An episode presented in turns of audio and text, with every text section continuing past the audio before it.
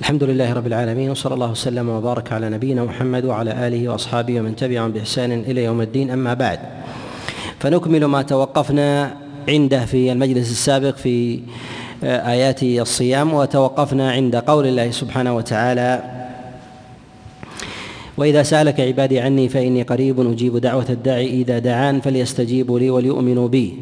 ذكر الله عز وجل ذلك بعد ذكر جملة من التعليلات المتعلقة بأصل هذا التشريع وذلك في قول الله سبحانه وتعالى ولتكملوا العدة ولتكبروا الله على ما هداكم ولعلكم تشكرون. ثم ذكر الله عز وجل ما يتعلق بالدعاء بعد ذكر أحكام الصيام. وذكر الله عز وجل للدعاء بعد أحكام الصيام بالعطف هنا في قوله وإذا سألك عبادي عني. وذلك لاستئناف حكم ومعنى ومعنى جديد منفصل عن الإمساك. وذلك أن الآيات السابقة من قول الله جل وعلا يا أيها الذين آمنوا كتب عليكم الصيام وفي قول الله جل وعلا أياما معدودات وفي قوله شهر رمضان. هذه كلها تابعة متصلة بالإمساك ولوازمه متعلق بالإمساك ولوازمه. لما جاء أمر الدعاء في قوله جل وعلا وإذا سألك عبادي عني فإني قريب. وذلك لأن الدعاء عام الدعاء عام يتعلق بالإمساك ويتعلق بغيره وكذلك أيضا يأتي بعد بعد انتهاء المناسك. يعني بعد انتهاء المناسك ويكون كذلك قبلها وفي أثنائها. وقوله هنا وإذا سألك عبادي عني فإني قريب. هنا لطيفة ومعنى لطيف ذلك أن الله سبحانه وتعالى ذكر هنا سؤال نبيه سؤال الصحابة للنبي عليه الصلاة والسلام وإذا سألك عبادي عني فإني قريب. هنا عادة في القرآن يذكر الله سبحانه وتعالى الإجابة بقوله قل وهنا ذكر الإجابة من غير قل وإنما جعل الإجابة إليه فإني قريب أجيب دعوة الداعي إذا دعان.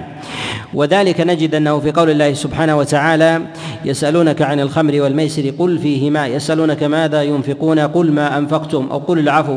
في قول الله جل وعلا يسألونك عن اليتامى قل إصلاح لهم ويسألونك عن المحيض قل هو أذى.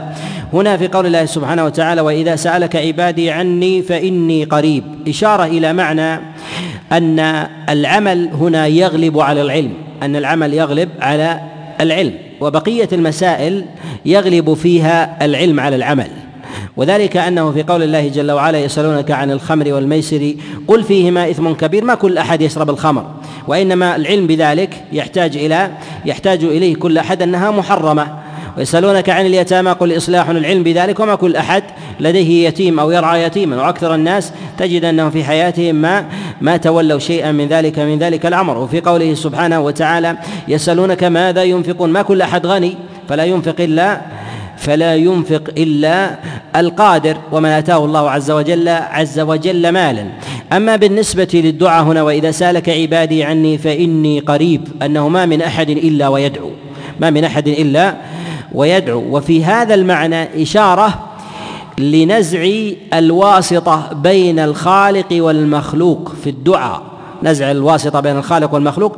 أما العلم فيبلغ الواسطة بين بين الله وبين مخلوقه وبين مخلوقاته وذلك من الجن والإنس. فالنبي صلى الله عليه وسلم بلغ وجعله الله مبلغا. قل إصلاح لهم خير. قل العفو قل ما أنفقتم قل هو أذى وغير ذلك من البلاغ من بلاغ العلم من بلاغ العلم. أما لما كان الدعاء يغلب عليه العمل وهو الأصل في العاملين أنه لا بد أن يدعو الله ولا تصح عبادة الإنسان إلا إلا بهذا الدعاء. والدعاء على نوعين دعاء عبادة ودعاء مسألة. فلا بد ممن تلبس بالعبادة أن يكون داعيا لله عز وجل بلسانه أو بلسان حاله. بلسان مقالة أو لسان حالة. وهذا نفي للواسطة بين العبد وبين وبين الله. أما في أمر البلاغ فجعل الله عز وجل في ذلك الأنبياء والمرسلين والنذر والعلماء يبلغون الدين الدين الدين للناس ولهذا جعل الله عز وجل الإجابة إليه. وذلك وذلك في قوله فإني قريب. وما قال؟ قل فإن الله قريب. وقل إن الله قريب. وغير ذلك قال جل وعلا فإني قريب أجيب دعوة الداعي إذا إذا دعان فليستجيبوا لي. في هنا في إضافة العبودية لله سبحانه وتعالى وإذا سألك عبادي عني.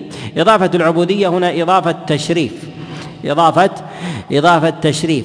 والأصل الأصل في العبودية إذا أضيفت لله أنها لأهل الإيمان أنها لأهل الإيمان ولكن قد تضاف العبودية لله ويكون الخطاب متوجه إلى أهل الكفر كما في قول الله جل وعلا أضللت عبادي يعني الذين كفروا يعني الذين كفروا ومن حق عليه ومن حق عليه عقاب الله سبحانه وتعالى وإغوائه وإضلاله. قوله جل وعلا وإذا سألك عبادي عني فإني قريب أجيب دعوة الداعي إذا دعان. هنا في قوله سبحانه وتعالى حياكم الله.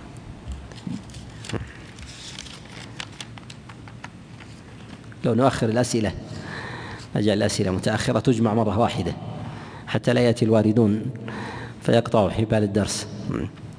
قوله جل وعلا وإذا سألك عبادي عني فإني قريب أجيب دعوة الداعي إذا دعان. أول الإجابة في قوله فإني قريب. جاء في بعض الآثار آه، سبب نزول هذه الآية كما رواه ابن جرير الطبري في كتابه التفسير من حديث الصلت. ابن حكيم عن أبيه عن جده أن الصحابة قالوا لرسول الله صلى الله عليه وسلم الله قريب فنناجيه بعيد فنناديه؟ فأنزل الله عز وجل وإذا سألك عبادي عني فإني قريب أجيب دعوة الداعي إذا دعان. وهذا الحديث وهذا الحديث فيه لين ونقول إن سبب نزول هذه الآية آه، لم يثبت فيه فيه نص معين ويبقى على عمومه ثمة سائل ثمة سائل وهم الصحابة. ولكن الحكمة من سؤالهم ذلك. نقول يؤخذ منه على سبيل العموم. حرص الصحابة عليهم رضوان الله تعالى على فهم العلم وفهم ومعرفة مواضع مواضع العبادة. وقوله جل وعلا هنا في أول الجواب فإني قريب أجيب دعوة الداعي ذكر الله سبحانه وتعالى قربه من عباده قربه من عباده. ولما توجه الخطاب إلى الذين آمنوا في قوله وإذا سألك عبادي عني فهل القرب هنا يتوجه إليهم خاصة أم إلى الناس عامة؟ هو القرب العام أم المراد بذلك هو القرب الخاص؟ وشبيه بالمعية العامة والمعية الخاصة. نقول مراد بذلك هو القرب العام. مراد بذلك هو القرب العام. لأن هذا يقتضي يقتضي سماع الدعاء. والله سبحانه وتعالى يسمع كل شيء يسمع كل كل شيء. وإذا كان المراد من قوله فإني قريب أجيب دعوة أجيب دعوة الداعي إذا دعان. فليستجيبوا لي وليؤمنوا بي لعلهم يرشدون. إذا كان المراد بذلك الاستجابة هي العبادة فنقول في ذلك هي هي هو القرب الخاص. يكون في هذا هو القرب القرب الخاص. ولكن نقول إن كلا المعنيين في هذه الآية محتمل. كلا المعنيين في آية في الآية محتمل ولكن حمل ذلك على على العموم أو لا. لأن الله سبحانه وتعالى قد يستجيب دعوة الكافر وذلك كما إذا ركبوا الفلك دعوا الله مخلصين له الدين فالله سبحانه وتعالى قد يستجيب من الكافر دعاءه إذا دعا الله وحده إذا دعا الله وحده فإن الله سبحانه وتعالى قد يجيب يجيبه على ذلك. والله سبحانه وتعالى له قرب خاص ومعية خاصة بأهل بأهل الإيمان وكلما كان الإنسان أكثر في باب الطاعة والتعبد لله فإن إجابته من الله سبحانه وتعالى أقرب. قال فإني قريب أجيب دعوة الداعي إذا دعان. المراد بالإجابة هي إعطاء السائل السائل سؤله. إعطاء السائل السائل سؤله. فإني قريب أجيب دعوة الداعي إذا إذا دعان. في ذكر الدعاء هنا أجيب دعوة الداعي إذا دعان. الدعاء على نوعين. الدعاء على نوعين. النوع الأول دعاء العبادة وهو كل عبادة يتلبس بها الإنسان. وذلك من التوحيد والصلاة والزكاة والصيام والحج وغير ذلك. النوع الثاني هو دعاء المسألة وهو أن يسأل الإنسان ربه بقول ودعاء من الأدعية. كان يقول اللهم اغفر لي اللهم ارحمني اللهم ارزقني. اللهم قني شر نفسي والشيطان أو شر كذا وكذا وغير ذلك. فهذا فهذا دعاء المسألة. فهذا دعاء دعاء المسألة. ودعاء العبادة أعظم من دعاء المسألة وأوسع. دعاء العبادة أعظم من دعاء المسألة وهو وهو أوسع أوسع منها. ودعاء المسألة أخص. ودعاء المسألة أخص. وذلك أن الإنسان في تعبده ما يزال سائلا. ما يزال سائلا لأنه يلزم من الصلاة أن تتعبد من يراك ويسمعك ويثيبك على ذلك وهو قادر على على هذا فهو يتضمن إثبات صفات الله سبحانه وتعالى. كذلك أيضا في الدعاء لكن الدعاء عارض ولا الدعاء عارض. وأما العبودية العبودية بالعامة فإن الإنسان فإنها ملازمة للإنسان بعبودية قلبه أو عبودية لسانه وعبودية وعبودية جوارحه. وأما بالنسبة لسؤال الإنسان لربه سؤال المسألة فإنها تكون بلسانه ينبئ عما في قلبه ينبئ عما في قلبه. ولما قلنا إن دعاء العبادة أفضل وأشمل من دعاء المسألة لأنه يظهر فيه عبودية الجوارح. وكلما كانت العبودية يظهر فيها الاعتقاد والقول والعمل جميعا فإنها أعظم من غيرها. فانها اعظم أعظم من غيرها. وعلى هذا نقول إن الدعاء في هذه الآية وشامل للمعنيين ولكنه في دعاء المسألة اخص في دعاء المسألة أخص لأن الإجابة ذكرت بعده لأن الإجابة ذكرت بعده قال أجيب دعوة الداعي إذا دعان فليستجيبوا لي وليؤمنوا بي لعلهم يرشدون. فذكر الله سبحانه وتعالى استجابة الدعاء والاستجابة العامة. فليستجيبوا لي يعني فيما أمرهم به من الامتثال بالعبودية بالعبودية العامة العبودية العامة. ونأخذ من هذا من هذه الآية في قول الله سبحانه وتعالى أجيب دعوة الداعي إذا دعان فليستجيبوا لي. فالاستجابة الأولى تختلف عن الاستجابة الثانية. الاستجابة الثانية المراد بها استجابة استجابة العبودية العامة. وذلك من ثمارها الاستجابة الخاصة بإجابة الله جل وعلا لسؤال عبده إذا سأله. لسؤال عبده إذا إذا سأل ولهذا كلما كان الإنسان أكثر عبادة لله عبادة أو عبودية عامة كان أقرب بإجابة الدعاء الخاص. أقرب بإجابة الدعاء الخاص. ولهذا جاء في حديث أبي هريرة في صحيح البخاري في قول الله جل وعلا قال ما يزال عبدي يتقرب إلي بالنوافل يعني ما يزال يعني يداوم على ذلك. ما يزال عبدي يتقرب إلي بالنوافل حتى أحبه فإذا أحببته كنت سمعه الذي يسمع به. ثم ذكر الله عز وجل بعد ذلك قال ولئن سألني لأعطينه ولئن استعاذني لأعيذنه. فهذا دعاء مسألة. والأول دعاء عبادة. ودعاء المسألة كلما أكثر الإنسان من دعاء العبادة كان أقرب إلى تحقق مطلوبه من دعاء مسألته.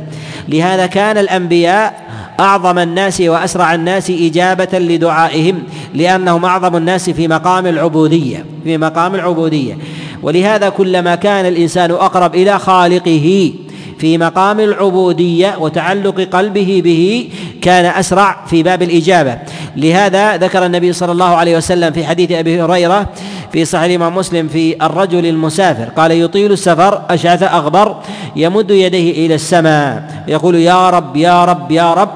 لما ذكر السفر وإطالته والشعث والغبر يعني أن الإنسان في ذلك محتاج مفتقر ملهوف إلى ربه ملهوف إلى إلى الله جل وعلا. ذكر أنه أقرب ما يكون في هذا الموضع إلى الإجابة. أقرب ما يكون في هذا الموضع إلى الإجابة ومع ذلك منع بسبب بسبب مطعم مطعم الحرام.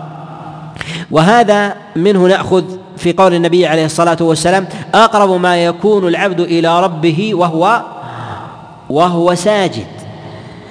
وأيضا في قوله عليه الصلاة والسلام فقمن أن يستجاب يعني أن يستجيب الله عز وجل دعاءه. وذلك أن الإنسان في حال السجود يختلف عن حال الركوع وعن حال القيام لأن السجود أعظم. فالسجود أعظم في الخضوع وكلما كان الإنسان أشد عبودية لله وأكثر خضوعا له فدعاؤه أقرب. فدعاؤه أقرب من الله سبحانه وتعالى. ولهذا جعل الله عز وجل استجابة سؤال الإنسان مرهون باستجابته لأمر الله. قال أجيب دعوة الداعي إذا دعان فليستجيبوا لي وليؤمنوا بي لعلهم يرشدون. يعني يستجيبوا بما أمرتهم به من أوامر وأحكام شرعية. ومن هذا نأخذ أن من علامات إجابة الدعاء امتثال أمر الله سبحانه وتعالى. امتثال أمر الله عز وجل بصيام رمضان بصيام رمضان. فلما ذكر الله عز وجل أمر الصيام لما ذكر الله سبحانه وتعالى أمر الصيام ذكر الدعاء وقيده بالاستجابة. فليستجيبوا لي يعني لما أمرتهم به من صيام رمضان وقيامه. بهذا ومن هذا يؤخذ فائدة أن الدعاء بعد العبادة مشروع. أن أن الدعاء بعد العبادات مشروع. فكلما ظهر امتثال العبد لربه في عبادة من العبادات عليه أن يتحرى أن يتحرى موضع ذلك الموضع لسؤال الله حاجته. فإذا حج فإذا اعتمر فإذا صلى فإذا زكى فإذا صام وغير ذلك من العبادات التي يظهر فيها الامتثال عليه أن أن يبادر بالدعاء أن يبادر بالدعاء لأن هذا ظهر منه الاستجابة لأمر الله عز وجل وامتثال أمره فعليه أن أن يكثر من دعائه فهذا حري أن يستجاب أن يستجاب له. وهنا قرينة أخذ منها بعض العلماء أن هذه الآية لما جاءت بهذا السياق بعد الصيام قال بعض العلماء يشرع في ختام صيام الإنسان من يومه أن يدعو الله عند فطره أن يدعو الله عند عند فطره. وهذا قد ذكره بعض العلماء ومنهم ابن كثير رحمه الله. والدعاء عند الفطر جاءت الأدلة على مشروعيته مما يدل على أصلها وذلك في جملة من الأحاديث النبي صلى الله عليه وسلم. قال للصائم عند فطره دعوة لا ترد وهذا الحديث جاء بطرق متعددة. منها شديد الضعف ومنه ما هو ضعيف لين وهي متعددة يدل على تدل بمجموعها على ثبوت أصلها تدل بمجموعها على ثبوت أصلها. ولم يثبت عن رسول الله صلى الله عليه وسلم دعاء معين عند فطر عند فطر الصائم وإنما يدعو الإنسان بما شاء وإنما يدعو الإنسان بما بما شاء. وقد جاء جملة من الأدعية آه، في ذلك عن رسول الله صلى الله عليه وسلم منها ما جاء في حديث عبد الله بن عباس اللهم لك صمت وعلى رزقك آه، أفطرت اللهم تقبل مني. وهذا جاء عن عبد الله بن عباس وجاء من حديث أنس بن مالك عليه رضوان الله ولا تصح ولا تصح من جهة من جهة الإسناد. أما حديث عبد الله بن عباس فقد جاء من حديث عبد الملك ابن عنترة عن أبيه عن جده عن عبد الله بن عباس وإسناده ضعيف وحديث أنس بن مالك يرويه داود بن الزبرقان عن شعب عن قتادة عن ثابت عن أنس بن مالك وداود بن الزبرقان متروك الحديث. وجاء عند أبي داود في كتابه السنن من حديث الحسين بن واقد عن مروان بن المقفع عن عبد الله بن عمر أن رسول الله صلى الله عليه وسلم يقول عند فطره ذهب الظمأ وابتلت العروق وثبت الأجر إن شاء الله. هذا حسنه غير واحد من العلماء وعله بعضهم بتفرد الحسين ابن واقد لعله بتفرد الحسين ابن واقد وجاء في ذلك بعض المراسيل جاء بذلك بعض المراسيل كحديث معاذ بن زورة لما أخرجه أبو داود رحمه الله في كتابه السنن. وعلى كل نقول إن هذه الأحاديث الواردة في هذا الباب بدعاء مخصوص بصيغة مخصوصة لم يثبت فيه فيه شيء. ولم يثبت أيضا في صفة الدعاء أيضا عند عند الصيام عند فطر الصائم لم يثبت فيه فيه صفة معينة وذلك مثلا باستقبال القبلة أو رفع اليدين أو الدعاء الجماعي والتأمين وغير ذلك لم يثبت في هذا شيء مرفوع عن رسول الله صلى الله عليه وسلم. وأمثل ما جاء في هذا عن عبد الله بن عمر.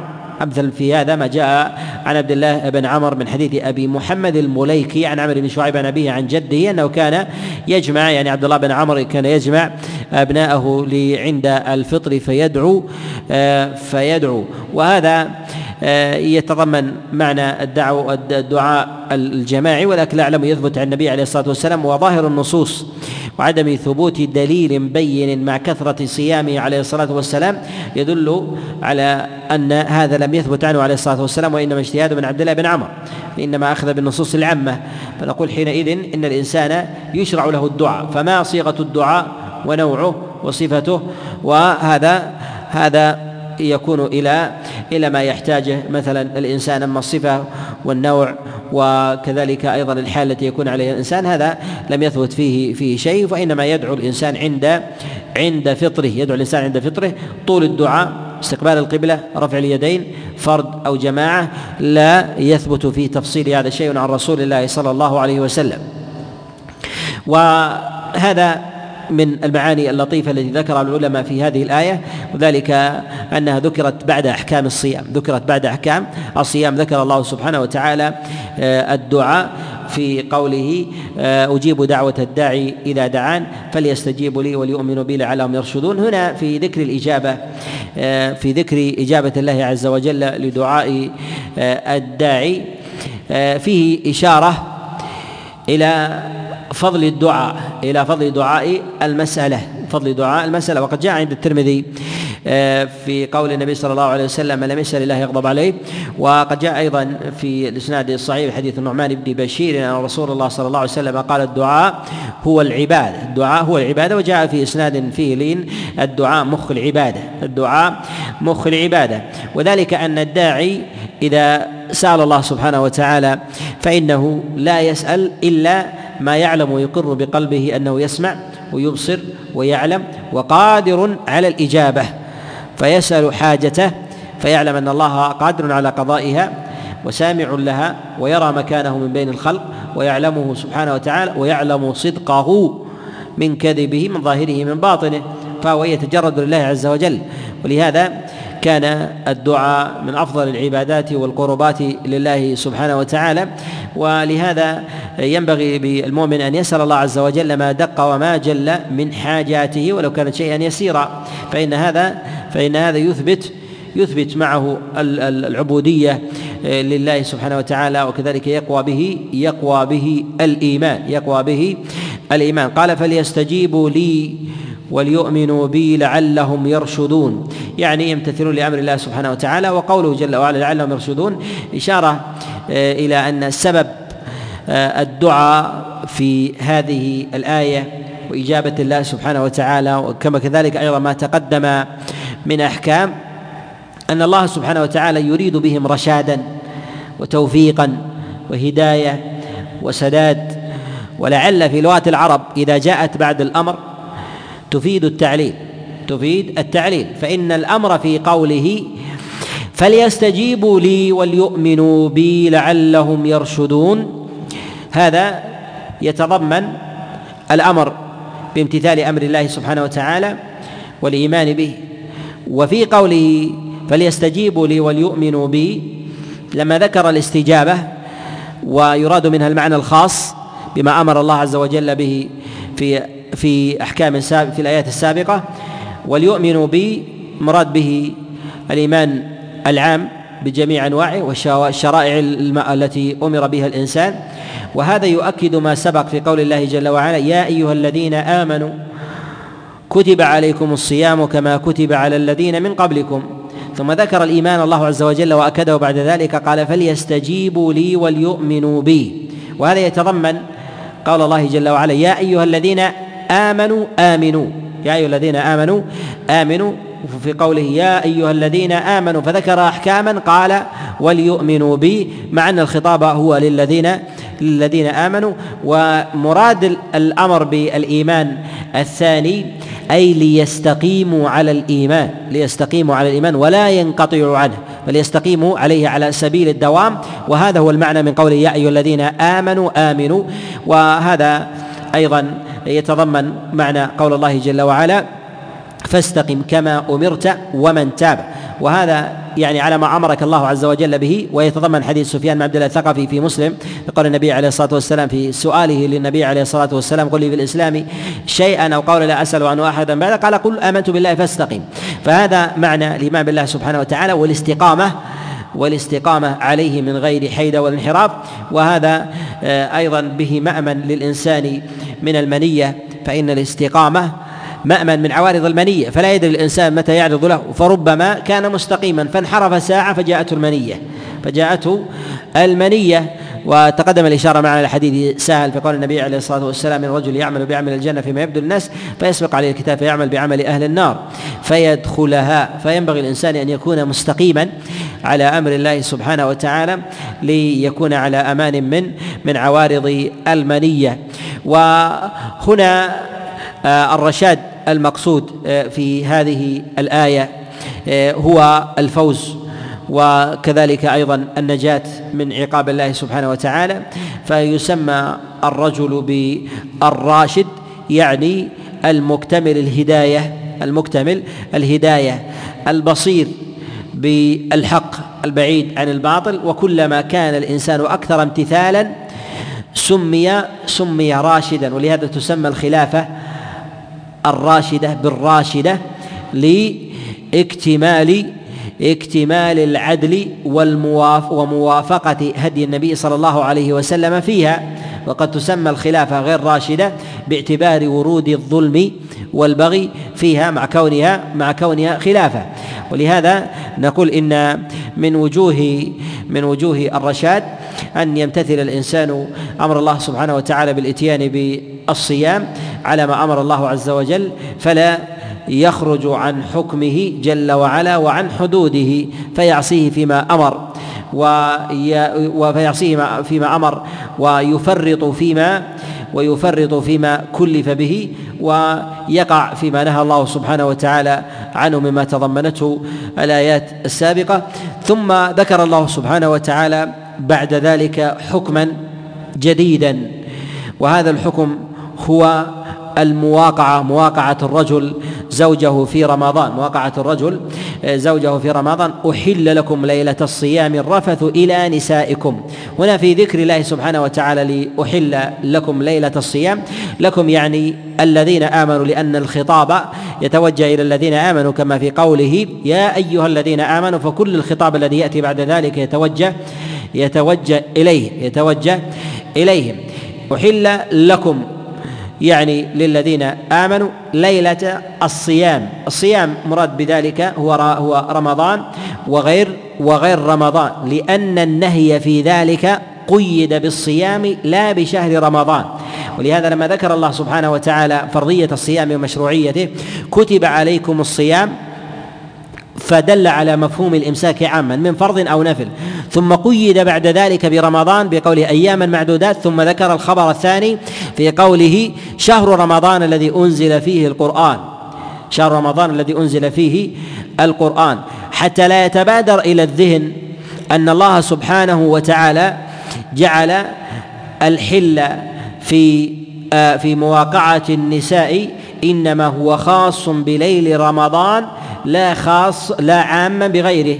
من الصيام فجعل الله سبحانه وتعالى الحكم عاما فأرجعه إلى المعنى العام. أحل لكم ليلة الصيام الرفث إلى نسائكم يعني في كل ليل في كل ليل يصوم فيه الإنسان يدخل في هذا صيام النافلة يدخل في هذا صيام الفرض مما أوجبه الإنسان على نفسه وذلك من صيام النذر. وكذلك صيام الفرض مما مما يجب على الإنسان في ذلك وذلك كالكفارات ككفارة القتل أو كذلك أيضا في صيام الإنسان في صيام ثلاثة أيام كفارة اليمين وغير ذلك مما يجب على الإنسان يجب على الإنسان مما مما دل الدليل عليه ويخرج من هذا ما استثناه ما استثناه الشارع من أحكام بعض بعض المواقعة في الليالي ويأتي تفصيلها بإذن الله تعالى.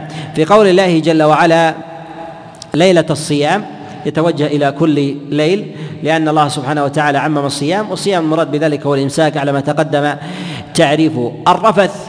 ذكر الله سبحانه وتعالى الرفث تكنية عن المواقعة تكنية عن المواقعة والمراد بها الجماع. والله سبحانه وتعالى يكني وذلك لي وذلك من بلاغة القرآن وكذلك أيضا علو معناه علو معناه وشرفه ونزاهته وكماله في ذلك. فالله سبحانه وتعالى يذكر الجماع في كتابه العظيم بألفاظ متعددة تكنية.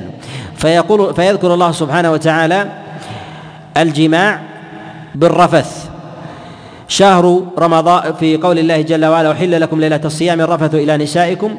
وفي قول الله سبحانه وتعالى الحج أشهر معلومات فمن فرض فيهن الحج فلا رفث ولا فسوق ولا جدال ولا جدال في الحج.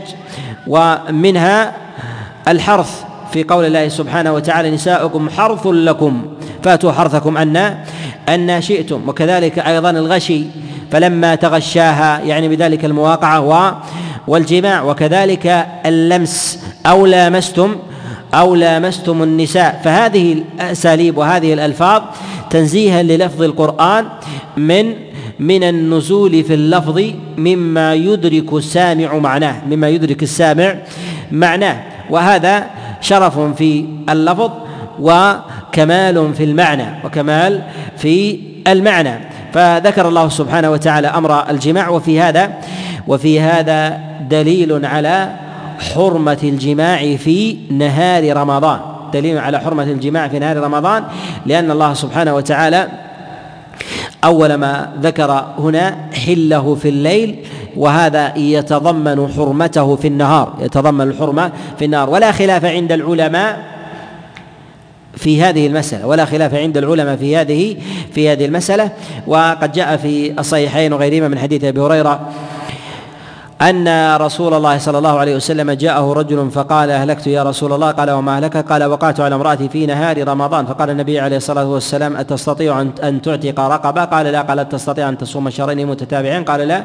قال أتستطيع أن تطعم ستين مسكينا؟ الحديث في هذا في قولها لك دليل على على أن أن هذا مهلك وكذلك أيضا موبق. وهو كبيرة من كبائر الذنوب ويدل على أنه كبيرة أن الله حرمه حرمه في كتابه والمحرم في الكتاب بالنص من الكبائر. وهذا وهذا دليل فيها ومن الأدلة فيها أن عليه الكفارة المغلظة. والكفارات المغلظة لا تكون إلا على كبيرة لا تكون إلا إلا على كبيرة إلا لقارنة تخرجها تخرجها من هذا إلا لقرينة تخرجها من هذا كقول بعض العلماء في مسألة الظهار في قول بعض العلماء في مسألة الظهار. ومن العلماء من يرى أنها كبيرة باعتبار أن الله عز وجل جعل عليها الكفارة المغلظة ومنهم من يرى أنها إنها دون دون ذلك.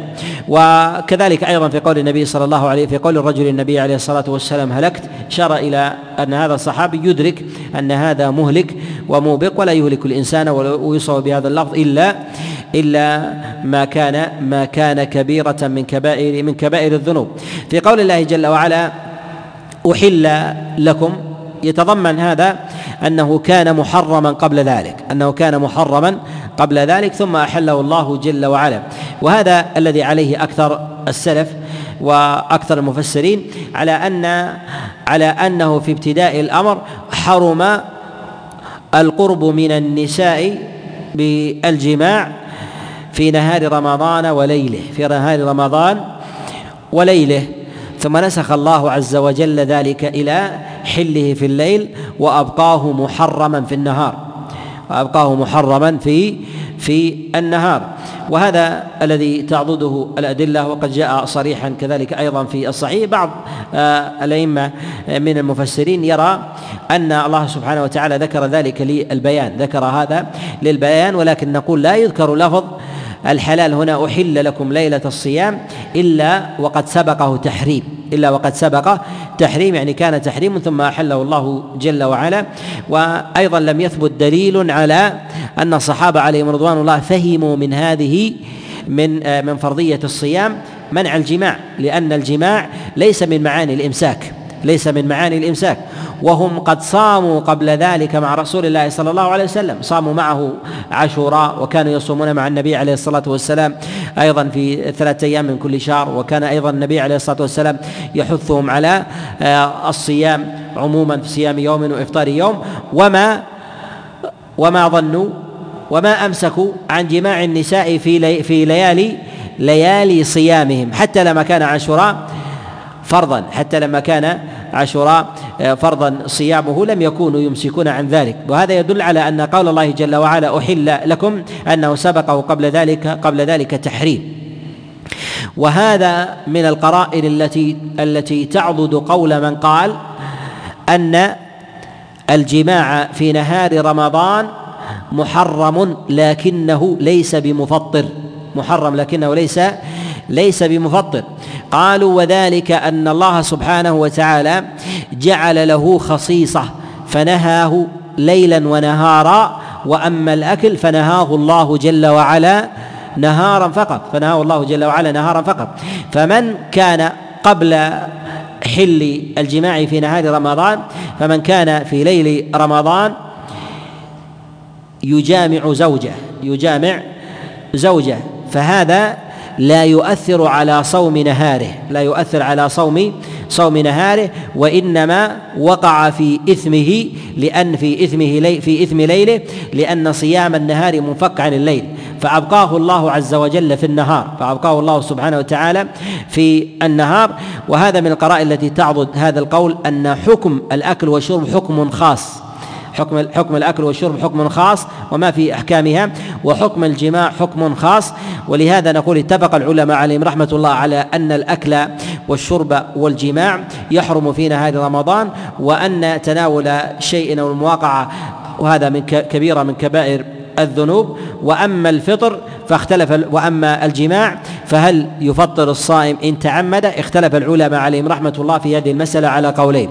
ذهب جمهور العلماء وقول عامتهم على أن الجماع يفطر كالأكل والشرب كالأكل والشرب. وذهب بعض العلماء إلى أن الجماع لا يفطر ولكنه إثم وموبق إلى أنه إثم وموبق. وعلى هذا يأتي مسألة القضاء. من العلماء آه، من يقول بالقضاء وهم عامة العلماء. وممن يقول بأنه يفطر لا يقول بالقضاء أيضا. من يقول إنه يفطر لا يقول بالقضاء أيضا باعتبار أنه فعل شيئا متعمدا لأنهم لا يرون القضاء في الأكل والشرب. فلا يرونه في الجماع من باب أولى لأن حقيقة الإمساك والصيام هو الإمساك عن الطعام والشراب والجماع تبع لأنه حكم حكم جاء بعد الإمساك حكم جاء بعد الإمساك وتعلق وتعلق الحكم بفرضية الصيام ثم شرع على جميع الصيام ثم شرع على جميع الصيام ولم يثبت دليل أنه كان منهيا عنه قبل ذلك ولم يثبت دليل أنه كان منهيا عنه قبل ذلك وإنما جاء هذا لما فرض الله سبحانه وتعالى صيام رمضان نهى الله عز وجل عن المواقعة في ليل رمضان ونهاره ثم نسخ الله سبحانه وتعالى ذلك ليلة ليل رمضان وجعله محكما في في نهار رمضان وهذا محل محل إجماع في في هذه في هذه المسألة. وإنما الخلاف عندهم هل كان محرما قبل ذلك وجمهور العلماء على أنه كان محرم في الليل. إنه كان محرم في الليل والنهار ثم نسخ الليل وبقي وبقي النهار. وهذه الآية دليل على النسخ من الأشد إلى الأخف. والأكثر في الشريعة النسخ من الأخف إلى إلى الأشد. من الأخف إلى إلى الأشد لأن هذا يتضمن التدرج. ولهذا فرائض الصلوات كانت ركعتين ثم نسخها الله إلى إلى الأشد وهو أربع إلى الأربع. كذلك أيضا فيما يتعلق ببقية الشرائع مثل الصيام فشرع الله سبحانه وتعالى الصيام صيام عاشوراء يوما ثم شرع الله رمضان وهذا من الأخف إلى إلى الأشد. وثمة أحكام تكون من الأشد إلى إلى الأخف من الأشد إلى الأخف ومنه هذا الموضع ومنه هذا الموضع. أن الله سبحانه وتعالى أول ما نهى عن الجماع نهى عنه ليلا ونهارا ثم جعله الله سبحانه وتعالى في النهار فحسب. والحكمة من هذا فيما يبدو لي أن الله عز وجل جعل الحكم شديدا ابتداء ليقبلوا بالحكم المخفف. ليقبلوا الحكم المخفف لأنه لو فرض الله عليهم ذلك ابتداء النهارا لاستثقلته النفوس. لاستثقلته النفوس وهذا من الحكم التي لأجلها لأجلها شرع الله سبحانه وتعالى هذه الشريعة فجعله الله عز وجل منهيا آه، في الليل والنهار ثم لما استثقلوه جعله الله عز وجل في النهار حتى يقبل الحكم الآخر منهما آه، آه، بنفس بنفس متقبلة. وهذا نقول إن الناس في هذا يتباينون عند نزول الوحي. منهم من هو قوي الإيمان ومسلم في مثل هذا ومنهم من هو ضعيف ومنهم من هو من من فيه شعب النفاق ونحو ذلك والناس ليسوا على أمر واحد والناس ليسوا على أمر على أمر واحد. وثم أيضا إن القرآن إنما أنزله الله سبحانه وتعالى لهذه الأمة جميعا أنزله الله عز وجل لهذه الأمة جميعا هم يخاطبون في هذا بخطاب بخطاب واحد وذلك أنهم إذا استحضروا أن الله فرضه نهى عن المواقعة في الليل والنهار ثم خفف في ذلك فإنهم أيضا فإنهم يستروحون الحكم الآخر منهما وذلك بعد استثقالهم الحكم الحكم الأول. وهذا من الحكم أيضا التي لأجلها تدرج الله سبحانه وتعالى في تشريعه من الأشد للأمة إلى إلى الأخف. وقول الله سبحانه وتعالى الرفث إلى إلى نسائكم. وهنا ذكر لفظا من الأمور المعتادة ذكر النساء إلى نسائكم وما ذكر إلى إلى أزواجكم ليشمل في ذلك الأزواج وكذلك التسري من الإماء فيكون في ذلك الخطاب الخطاب عام. وهذا من بلاغة وهذا من بلاغة القرآن. فذكر الرفث وأيضا عداه بإلى وجعله إلى النساء يعني ما أحله الله سبحانه وتعالى لكم من الأزواج وكذلك وكذلك الإيمان. نتوقف عند هذا القدر ونكمل بإذن الله عز وجل في الغد. أسأل الله عز وجل لي ولكم التوفيق والسداد والإعانة إنه لذلك والقادر عليه وصلى الله وسلم وبارك على نبينا محمد.